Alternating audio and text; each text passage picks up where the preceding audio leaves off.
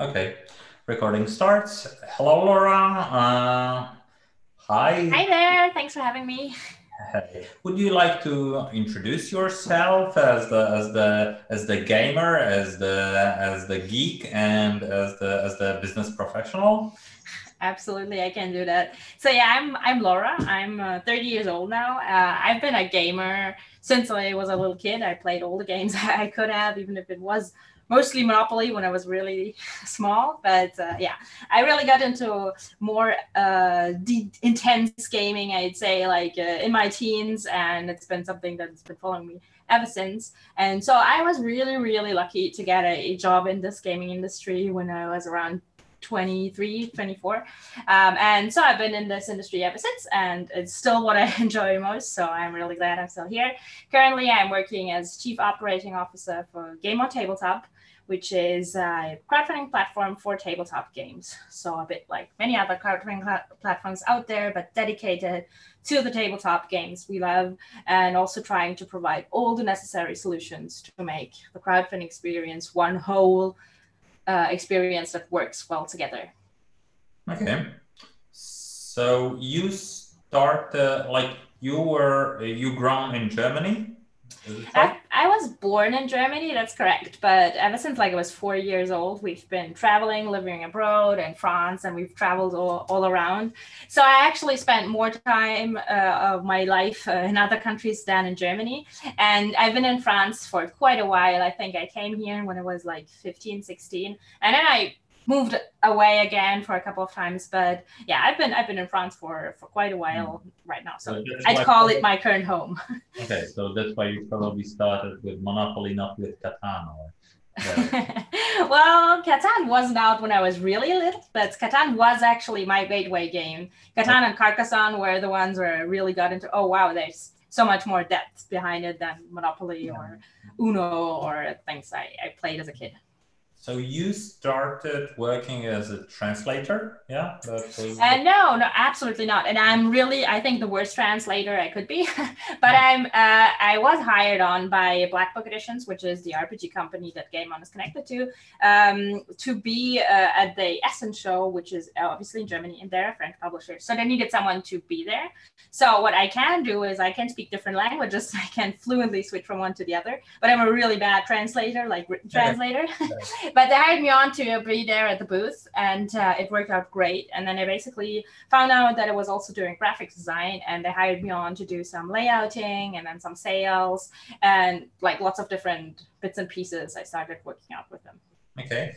And how it started with crowdfunding business? How was the like the the I think the there is a there is one big major player that we all know, but uh, like how the this game on started what was the idea behind it and how really uh, like how it works uh, in this in uh, in this i don't know uneven fight but or or like how it works how, how what's the idea to to start this kind of the support platform? I just uh, you know it's so the idea uh, originated from before I even was working with Black Book Editions in 2013. They want like crowdfunding was emerging, right? The first big projects came out and it became a thing even for games. And so Black Book Editions, being an RPG uh, publisher, they were like, hey, we would like to do crowdfunding as well.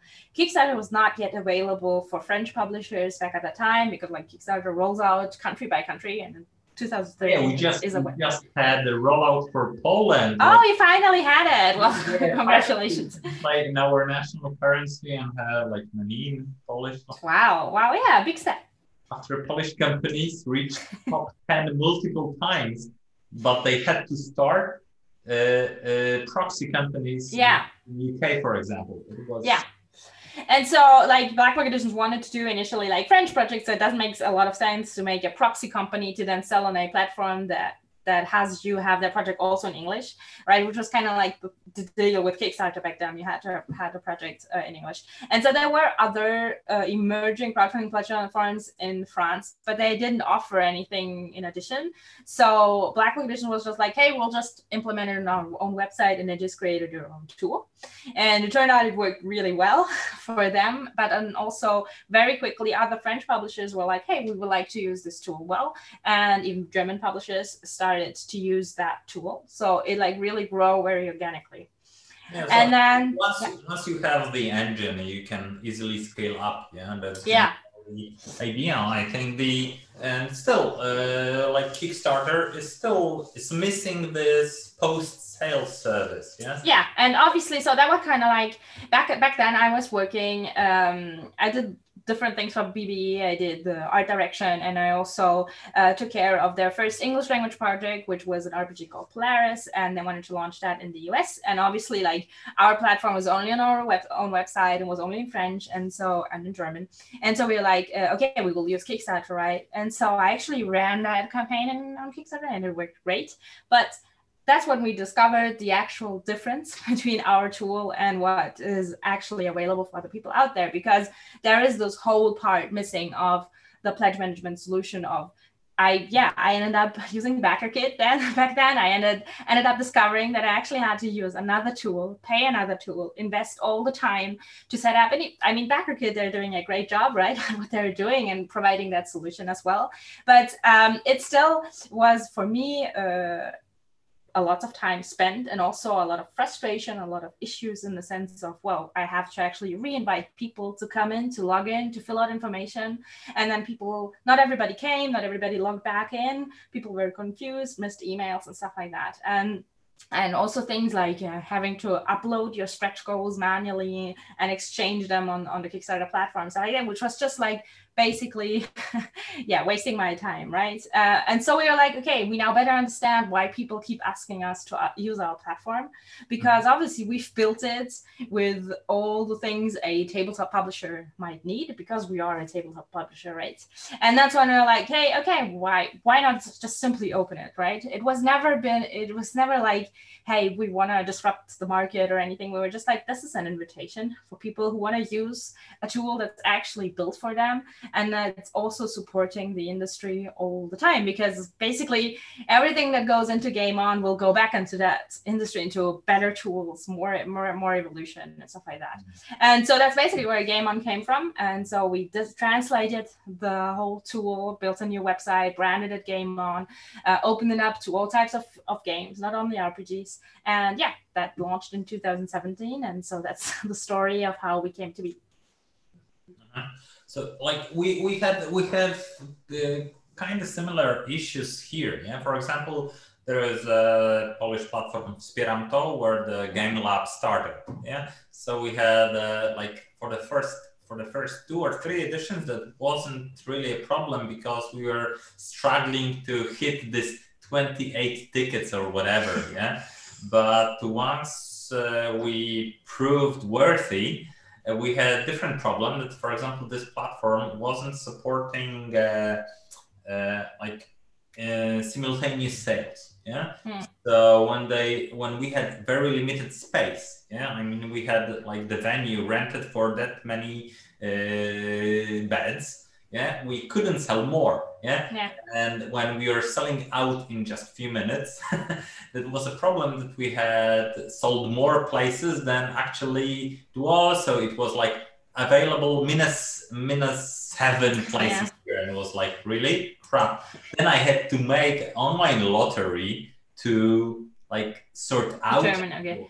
and it was like it was super unpleasant for me yeah so like the, the this this big platform works really well when you have unlimited resources. For example, I like I don't know like if every platform should have that, yeah. But it was like it was proven that like the bigger you are, the less flexible you are, yeah. Same worked with the like the we have uh, after this there was a for example uh, Łuki Woźniak, uh, he crowdfunded for example this Vikings game, yeah. uh, and he he in Polish he runs his own uh, crowdfunding platform. He is uh, that he also yeah, optimized for for for board game designers, uh, for board game publishers. Yeah? yeah, it's not only about the the the licensing fee or whatever, but generally it's uh, uh, like it's not about royalties. It's just you know this flexibility and, and giving the the needed tools. Yeah, and the opposite side. Yeah, like like Awaken Realms, huge campaigns, like millions of literally millions of dollars. Yeah, they they instead of using BackerKit, they they started their own BackerKit. I mean the Gamefound, which like and they and then they added this crowdfunding uh, uh, um, functionality to it. Yeah, so like uh, we know like we know that like one system doesn't fit all. It's not small black dress, definitely. Yeah,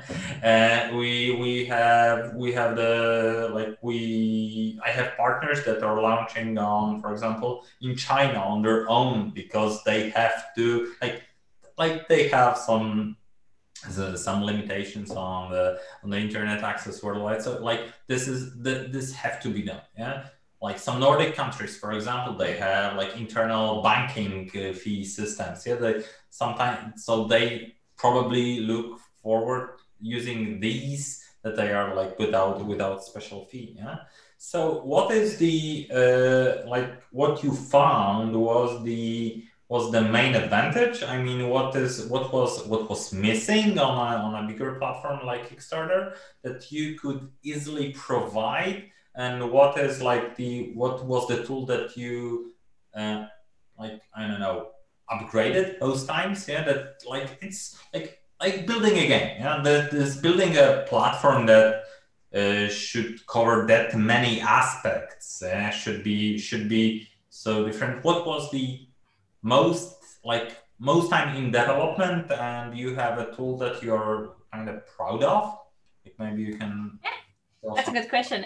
So obviously for me, the biggest differentiator is the fact that it's all in one. I mean, except for like really detailed accounting, uh, you will have everything on this one single platform, and you don't have to go through a pledge management system um, to know what you've actually sold. And I think that's something very important for me because what crowdfunding basically is in the tabletop industry is it is a sales channel, right? I mean, there are other industries or other spheres where crowdfunding is more about okay uh, we built this very random project uh, that wouldn't have seen the light otherwise um, and then it's more like a pledge like a donation and stuff like that. But in tabletop games it's just it's a purchase right? It's a pre-order even though uh, there is also there are small projects that really need the funds otherwise they won't be able to produce but it's also a tool that's a real sales channel for big companies um, and so that's reality and if i'm selling something I want to know what I'm selling um, at any given time because I need to make calculations. I need to know how much I'm selling. I need to be able to adapt. And I also want to be able to ship it out as soon as I can. And if I basically have to wait months afterwards for people to actually uh, fill out what they bought, uh, that doesn't make sense for me, right? And I need to spend that time plugging all that information into another tool that does not make sense for me so i think that for me is the biggest advantage that we have in, in Game On, and that's inherent of our logic. Our logic is you run a campaign and you have access to all of that information. One of the biggest changes we've had, we've made when we launched Game On internationally is we still opened up the possibility to use it just as a pledge manager because obviously some people wanted to test it out that way or they had already run their campaign and wanted to use it. Um, it's not necessarily thought out that way. It still works quite well, but it doesn't uh, bring a solution to, for me, the number one problem, which is, well, backers have to sign in on another website, right? I mean, in sales everywhere, it's it's going into that direction. Sales need to be as easy and straightforward as possible. You log in into one site and you have it all said and done. Um, and that, that whole Kickstarter experience is breaking up that into two splits options. And i think that closes off this this this element to people that are not yet really familiar because it's really strange. For me it was really strange the very first time i ever got a pledge management manager invitation it's really strange. I'm like i already filled out i already paid. Why do I have to log in that, right? Um, so those are the big uh, features that kind of like set us apart. The other part is as well that we are here to make uh, to take away a bit of that overwhelming feeling of crowdfunding right? Crowdfunding you don't it's just not it's not just sales it's not just marketing it's not just game creation it's all of that together. And you need to have an answer to everything. You need to know how you're shipping how you're producing how much you're selling it how you're advertising it. You need to have reviewers you need to have all of these different bits and pieces. And uh, for small creators, but also for big creators, those are real challenges. Like many people are like, okay, um, big companies should not be using crowdfunding. They have all these resources and assets at their availability, but it's actually not true. A lot of big publishers, when they're first launching crowdfunding, they're as lost as anybody else, and they actually need people helping them run through what what makes a crowdfunding campaign, what is a stretch goal, how do you determine what needs to go into a reward level, all of these different things, and that's also where we come in because we know crowdfunding and we know tabletop games, and so we bring all that knowledge and we try to support the creators as much as we can along the way. Um, so those are the big differentiators. Now things that I'm proud of, I'd say there are a lot. I think the thing I'm overall most proud of is the fact that we are able to adapt and uh, that we are ready to listen to creators. And it's a constant challenge. Like, there's not one day when there's not a creator reaching out or telling me, okay, I want to do this. How do I do it on your platform? Or somebody saying me, telling me I'd like to be able to do that, and we don't do it yet. So it's always about finding those solutions um, and building us. And we've unleashed so many new features uh, over these past years that yeah, I'm proud of the whole thing. I'd say uh, in the sense of it's constantly striving to bring in this these new solutions to those um, yeah to those problems that publishers might have in an ever evolving industry, right? I mean, this industry has changed so much since I've been here.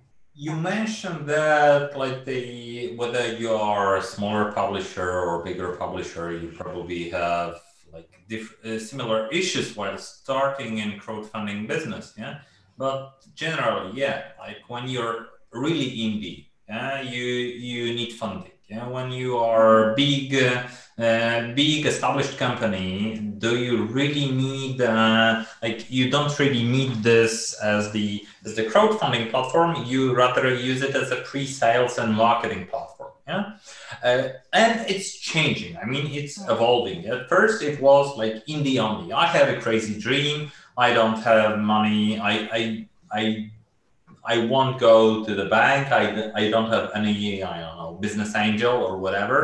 Mm, I will try to convince people via uh, via crowdfunding. Uh, how does change? Like, what's the like? And now then we knew about big companies like acting as they are really indie, and it doesn't really work well at the end because people aren't that stupid. Uh, how it's changing? I mean, do you you're probably aware of this of this uh, little transition? Uh, how do you can like comment on that? Yeah. So yeah, I I agree on the part that uh, the issues are not at all the same if you're small in the indie publisher or if you're a big company. But I know for a fact that a lot of those big companies, not all of them, and not for every project, but for actually quite a lot of those projects, well, uh, it's really important that those crowdfunding campaigns actually perform well because otherwise they won't be doing be able to do that uh, game um, because they're not facing the same issues as a, an indie publisher right? An indie publisher he will pull pour they will pour in their heart and their time and they will make their dream happen but they don't necessarily have as many salaries to pay. They don't have as many production costs and stuff like that. So so it's just a shift of things right? Um, overall, I think crowdfunding has really become a, a new sales channel, and it has uh, as a, it has built a new form of consumer community that is now on the lookout for games like that. I mean, you can see that with the huge with the project that make millions, right, on a on a crowdfunding platform. Uh, these these people uh, at some of these games would not have done as well in retail because they're not made for retail. They're made for collectors that like high quality items that like to have something special, something exclusive. They're also made for people that have a certain budget, and also I think for a lot of people that don't necessarily go to a gaming store as often. It's not yeah. the same audience, and it's they're mm-hmm. getting used to that as well.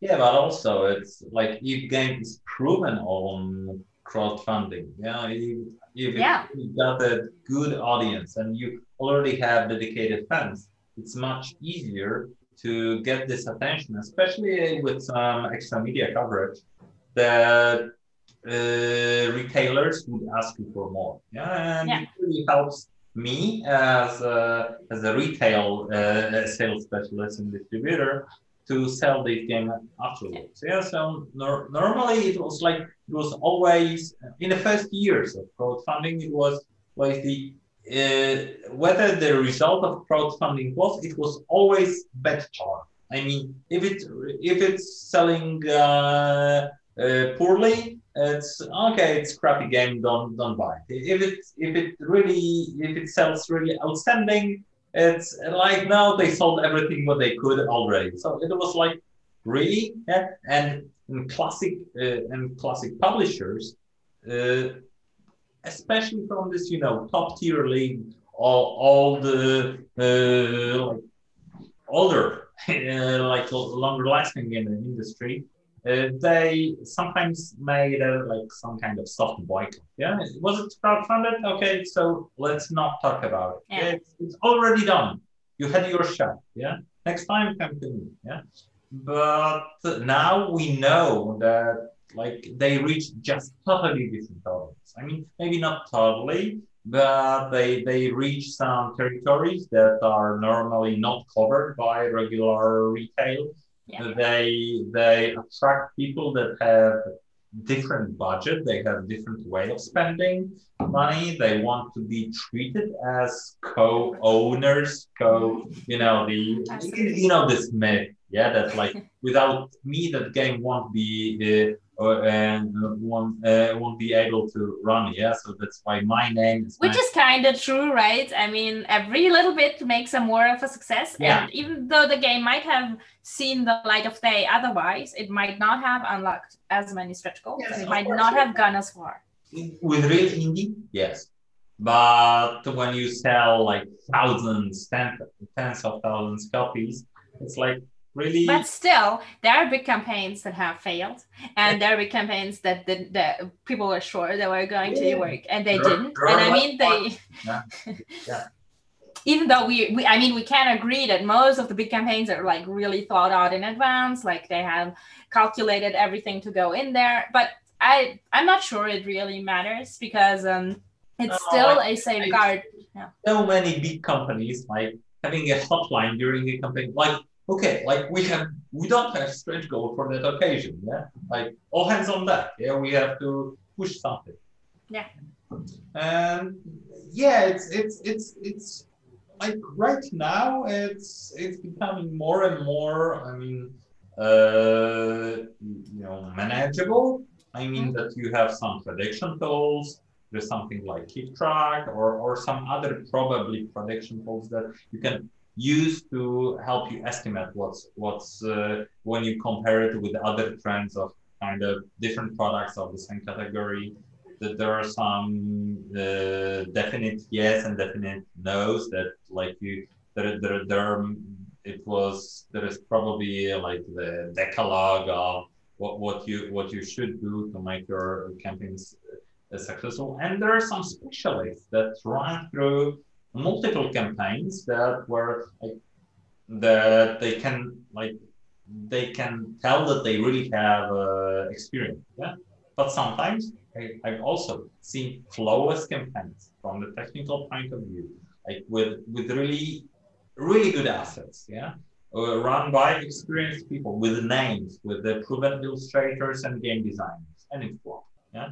So yeah. at the end, what sells? Yeah, do you do you still still see that we can, uh, if we pump more money in um, like Facebook or Instagram advertising, that can we sell crap, or do you still believe that it's it's a game that sells?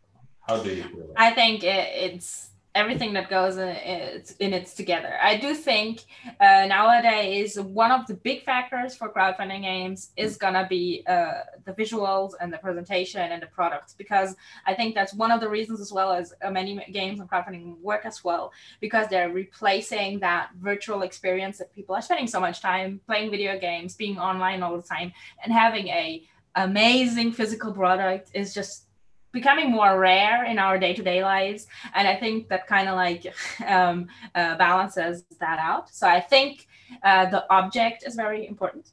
Um, but then again it's it's a whole right? It's a lot of marketing. It, it's not enough to just do facebook ads but it helps a lot if you're doing them well. It's not enough to have just one big influencer talk about you but it helps a lot. Um, it's uh, it's not enough to just have a great the game, but that, because that's sadly a reason that some of them fail is because they don't have all the different bits and pieces. It's a whole, and it's something that can be done by one person, but it's rare that it really works out well for one person. I mean, there are some great examples out there. Jamey Stegmaier, uh, the guys from Serious Poulp and Rats, they're like tiny teams compared, right? But you need to be, you still need to check all the boxes, and you still need to go go into in, into the different various things and really like dig through what you're interested in there. Um, and so, yeah, I mean, there's no secret recipe, but the best you can do is inform yourself and try to have yeah try to think about every of those different steps and that's also kind of like the role that like for instance I do myself a lot of account management, so I work a lot of with, with publishers directly, and it's kind of like what we also try to provide is like talking to them about the different things. Um, so what are you doing for marketing? We don't we don't bring on the solutions necessarily. We don't guarantee any success, but what we what we are always interested in uh, to do about is talk to them. Okay, what what cool opportunities do you might have? What what is making your game stand out? Because it's not easy to run a crowdfunding campaign. It's not easy to stand out because there is a lot of competition today. Um, but if you find your niche and if you find your audience, then it's a it's a great way to directly interact with it, them and and have the control that you need. But yeah, I mean, there's nothing that I could say is okay. What makes the success of a game? I do believe that it's not enough to just have a good game, and they are there are a couple of games that were really pretty and well marketed, but are not necessarily the best games out there. And did really really well in crowdfunding because they were well, well marketed and they were really pretty. Uh, so um, and on the other hand there are a couple of games that were really very good um, and that's not necessarily as well uh, yeah presented or marketed and still did well. But i do think uh, marketing is one of the big points like or building your audience. It can also be a very organic audience but you have to have it because you have to have that those fans that will root for you day one and will then yeah. There is, there is something like a product category yeah that at one point we uh, like we identified as the as a retail specialist that when a designer came to us like uh, it's not really game for us. It looks too crowdfundish. I mean, that's the that's like we don't we don't much that much. Uh, we don't make that much plastic, yeah. we would rather avoid that, yeah. But uh, it's not always the answer, yeah. The the uh, we like actually what I see on the opposite side, yeah. The uh, the retail business wouldn't be open for for games over like 100 euro if not if there won't be successful crowdfunding campaigns that that made that expensive games possible. Yeah, yeah. so now like we when we have uh, uh, when we have an offer for a game for 100 or above yeah we don't reject it automatically. We have to think think twice like okay it looks like a crowdfunding project but maybe maybe we could we could sell like we have now we have numbers yeah uh, that we can sell directly with hobby stores and and mass mass market even clients. Yeah, that we can that that it's possible to push that product. Yeah, Yeah. And it's it's no uh, like it it gave us this uh, it it broadened our perspective. Yeah Yeah, yeah, definitely. I mean, also, also on the opposite way yeah the when we have a project that isn't really crowdfundish in this it's like loads of plastic and more illustration like that we invested more in illustrations than in game design uh, okay that that was that was nasty but generally uh, if we have something ambitious yeah and we can really use like as it as it should be done as it as it was expected uh, in in the very beginning we can test the market yeah, without that big risk yeah? if we have if we have uh, like interest in a, in a license or something we are not sure of because we never had good experience with that like let's try yeah? Like we have we have pretty cheap mod like like the still crowdfunding is is really good for independent publishers because the the margin uh, your fee is much lower than mine than I have to share with uh, not even hobby stores but even supermarkets on, on our stage yeah so and you- it's not the same audience, right? Uh, Yeah. retail stores that grasp another audience that doesn't necessarily go on crowdfunding websites, and those people are difficult to reach otherwise uh, only only online. And so, like like you said, I totally agree that crowdfunding and those huge big mini games and stuff like that really opened the door for those kinds of games also in retail. I mean, you look at games like Gloomhaven. Uh, it's been a bestseller for so many for so such a long time now that yeah i think retail is grasping the fact that there are, is this audience even in their own stores as well for those kinds of games. And it might be a higher risk for some of those games to release directly in retail but i think the overall uh, consumer is much more open to that now because those games have been such a huge hit that people are just like oh this this looks like gloomhaven this looks like uh yeah the next cool big mini game i'm just going to grab it from the shelf. And i think those were not necessarily the way regular customers might have had. So i think it actually works well for everyone. I think retail, retail actually benefits uh, from that crowdfunding aspect quite a bit as well. Even though globally i think sales are shifting online but i think that's yeah. But we that's overall the case. uh, but we also evaluate these games like only we only know about successful campaigns. I mean that that's we see uh, we use them as example, yeah? Yeah. But we can for every successful campaign we can find uh, nine failed campaigns probably that had quite a similar price tag, the same theme, probably similar mechanics. Uh, whatever. Yeah like they they are they on a first on a first sight they they look as, as kind of similar product. Uh, if you would see them on a shelf uh, like you would be comparing one to one. But now you know that this has like like millions uh, behind it and this like was was flop yeah? And and like this this is also this false uh, perception i think. And that like you think that uh, that uh, that if you make second uh, let's name it like nemesis or or gloomhaven like you you have outer win yeah? You just need to replicate the process. Yeah. But really guys like they they weren't successful because they were replicating any anyone yeah they were they were they were successful because they were bold and they Yeah. they just made they were innovative in this kind absolutely well that absolutely yeah that that's Your thoughts about that yeah? Yeah. I, I think that absolutely touches on something as well, and something that I think people are kind of forgetting from time to time is because uh, crowdfunding is such a common thing now and it has become so successful overall uh, that people are kind of, yeah, forgetting about where it started. I mean, when it started, nobody did crowdfunding, and then a couple of people started, and it worked out well, and there were a couple of huge successes, and it worked out more. But I mean, the first people who went onto a crowdfunding platform, running crowdfunding campaigns and having huge successes, I mean, they were bold. Like you said, they were bold. They tried something new. potato salad part yeah like this yeah this, yeah, this they, these kind of myths. Yeah. Um, like, but they went, they kind of like went for it. And I think kind of like for crowdfunding, that's um, still more important than necessarily for like a retail release. Because like you said like when you as a uh, as someone working with retail are getting pitched a game you know what things to look for. You know how to kind of like gauge the interest how to calculate how well it's going to do.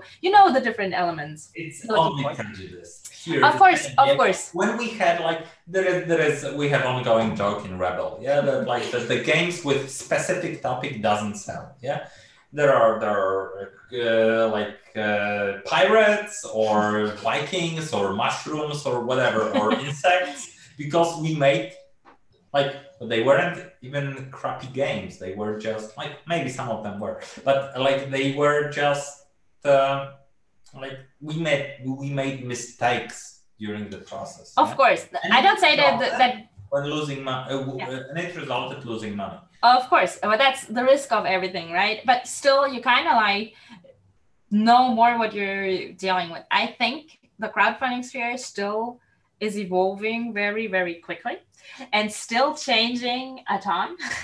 and it kind of is uh, there was a, a period when like everybody was using using the same recipe like you said like there was one big successful game there was like kingdom death monster and everybody's like okay it's enough for me to make some weird uh, miniatures and it's going to be a huge success. And they didn't go deep enough to understand what made the success of kingdom death monster which are a lot of little bit things that come together um, and made a huge success out of there. Um, and it's yeah, you could kind of like follow that for a while. It worked that recipe of doing this high plastic stuff, but then it started to no longer work as well and people had to find the new things that made them work. And i think that's what you need to be really aware of is with crowdfunding is you're the the only one kind of like gauging that. Like a game publisher that comes uh, pitching something to rebel well you're a distributor right? You you're a publisher a distributor uh, you bring in your own knowledge. And kind of like with crowdfunding you're direct to the consumers. So uh, you have to do that research and you'll have to build on that um, and you have to be inventive there as well. Uh, and so for me it's kind of like okay you need to keep that in mind and need to keep inventing stuff and evolving yes but it's uh, this research it's it's also the thing that you have like we as a publishers in general are uh, like we are as unreasonable beings as anyone else. Yeah, of course. And like the uh, shopkeepers are even more. uh, even if they like keep their money uh, like really close, they, they also make some irrational decisions. Yeah. I'm not talking about not making irrational decisions. I'm more talking about crowd crowdfunding in and of itself. Mm-hmm. It's something about new ideas and about invention and innovation. And so if it's it's like the fact about stretch goals, they're just hitting the fact that people like surprises. People like ex- experience, like nice things. And you don't need to have stretch goals. You can have a campaign without stretch goals, but people are there for the experience, yeah, for the like, adventure. For... Right now, if you don't give good enough stretch goals. Like like where are my where are my stretch goals? Where are my like uh, where are my cookies? Yeah, they're also yeah. like I need them. Yeah, because like it's it's cheating that you don't give like I get a I get a flat game and a flat price.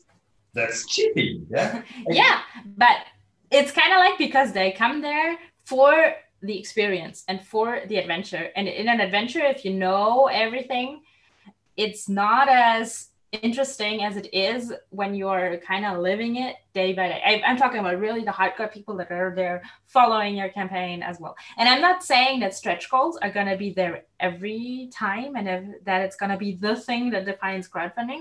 Maybe they're going to evolve, evolve into something completely different. But that's kind of like, like I'm trying to make the point here is it's for me, crowdfunding is about that innovation. That's why it's not simply a pre-order. That's why it's a story. It's an adventure that you're trying story, to tell. But you can also think it about, you know, the TV show. Yeah. yeah. Don't know what would be in the next episode. Yeah. How, yeah. Like if you are like or the you know the TV show with a like with a like just like a Wheel of Fortune or whatever. Yeah. Like that, that the next next stretch goal could be random. Yeah. yeah something or it could be nothing yeah like yeah it, we, can make uh, can make different tricks with that of course yeah and i mean it's a good analogy a wheel of fortune is is a show that kind of is, is act- actually the same every week but still people look at because there's this kind of tiny bit of rent. I mean they know what they're expecting. They're going to get the show and then at the end there are going to be prizes. But there are some things that they don't know yet and it kind of keeps people come back right? Um and it's uh, yeah. uneven un, uh, uneven reward is the behavioral condition. So it's it's kind of we know that it works yeah. It works with children it works with dogs it works with uh, yeah crowdfunding supporters. So yeah. I mean, it's a it's a real addiction, right? I mean, we all know that. We all have spent as much just because it's but it's these, that exclusivity. Yeah, but all these people in sales, in my opinion, are superstitious, and I am superstitious as well as a salesperson. Yeah. So, but I'm trying to fight it. Yeah. So I'm I'm contesting uh, other people in the company. Yeah. Like, well, are you like we we are we tend to say that like racing games doesn't sell unless it's a spectacular game. We tend to say that like the, the games with that or that color or the composition on the on the box cover won't sell. It's crap. I mean, like, okay, there are some rules. If something is really ugly, maybe it won't sell, but it could sell because it's that ugly, and it just contradicts the uh, the, the like the general perception. Yeah? But uh, in in always it was the like all the trade routes and all the trade uh, like the the general idea be, behind the trading is what like people want more of the same yeah if you optimize, if you specialize in that, you will earn more money. Yeah. But here we work in a creative business. Mm. People don't want more of the same. Yeah. Like if we have like the one, like the top illustrator or top designer, yeah, with every next project, they would ask for more because they, they give you like this guarantee that like it will be at least, you know, the, uh, above the average. Yeah. But then people like when they have too many illustrations of the same, I don't know, uh, illustrator in the in their collection, they will probably tend to switch to something else. If if he or she changes style, then maybe like we can we can continue with that. As they are creative person, they will probably do something what they tend to experiment. But if they would be asked to do the same cover once and like again and again yeah they will so not really i'm like it depends on the person yeah, yeah. but like, the salespeople want the more of the same and the creative people want to experiment so so I, I, actually so i agree with the fact with the sales aspect of wanting more of the same but i think what people want more of the same is the actual crowdfunding experience. I think that's kind of like the difference between uh, actual sales. Like I have friends of mine, they're not necessarily hardcore gamers, but yeah, they really like the werewolf game, and so they really like that, and they go into stores and buy every game that's similar to the werewolf games. Right? They are in that sales like like you described they like love that so they're gonna buy all of the different variants that are right but on crowdfunding what i see is people buy lots of different games, but they're kind of picking the similar creators. They're picking similar stories, similar ways of doing it. Like I have lots of people that back all the big miniature games because they kind of like that fact of unlocking lots of different uh, stretch goals. I have other people that are backing only indie games because they like to um, support those those yeah, kind of like indie weird games. And I, so for me, it's it's um, I think it's actually really really close to that sales perspective.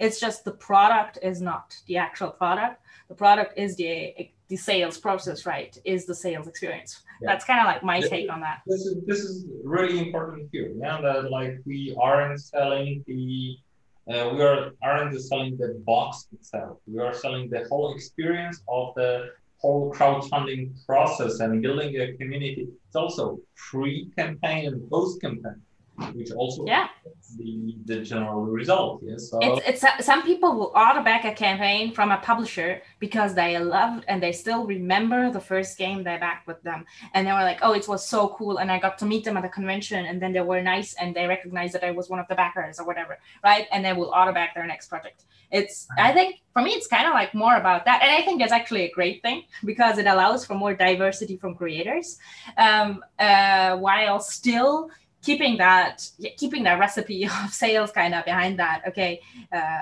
that's that's how you you funnel and how you continue that. Because i do agree um, you kind of need to, to still focus on what you're doing. It's kind of difficult to do everything every type of game every sales channel every some big uh, publishers manage to pull it off re- really well but it's difficult to be everywhere and to yeah to find the perfect product for everyone and every audience out there. Okay we are, I think that we are past uh, our time, our recording time. Shortly, we will switch to the uh, Hyde Park section that won't be recorded. I will just read you two questions that I think, like the, okay, just two thoughts that we have on, on a chat. Yeah. Uh, this uh, is asking, do you have interfaces to import pledges from another platforms? As you uh, told that you are working as a pledge manager. Yeah. So, like, is it automated? Is it better than just copying, pasting Excel sheets, whatever? Uh, no, so it's not. It's it's automated, but on our end. So uh, it's gonna be a Gamefound admin uh, importing the data uh, because we're generally working with the publishers then to figure out how they want to set up their different elements and we kind of like to be able to double check that. So it's not automated uh, it well it is automated on our end but it's not something that creators can do uh, themselves. Okay.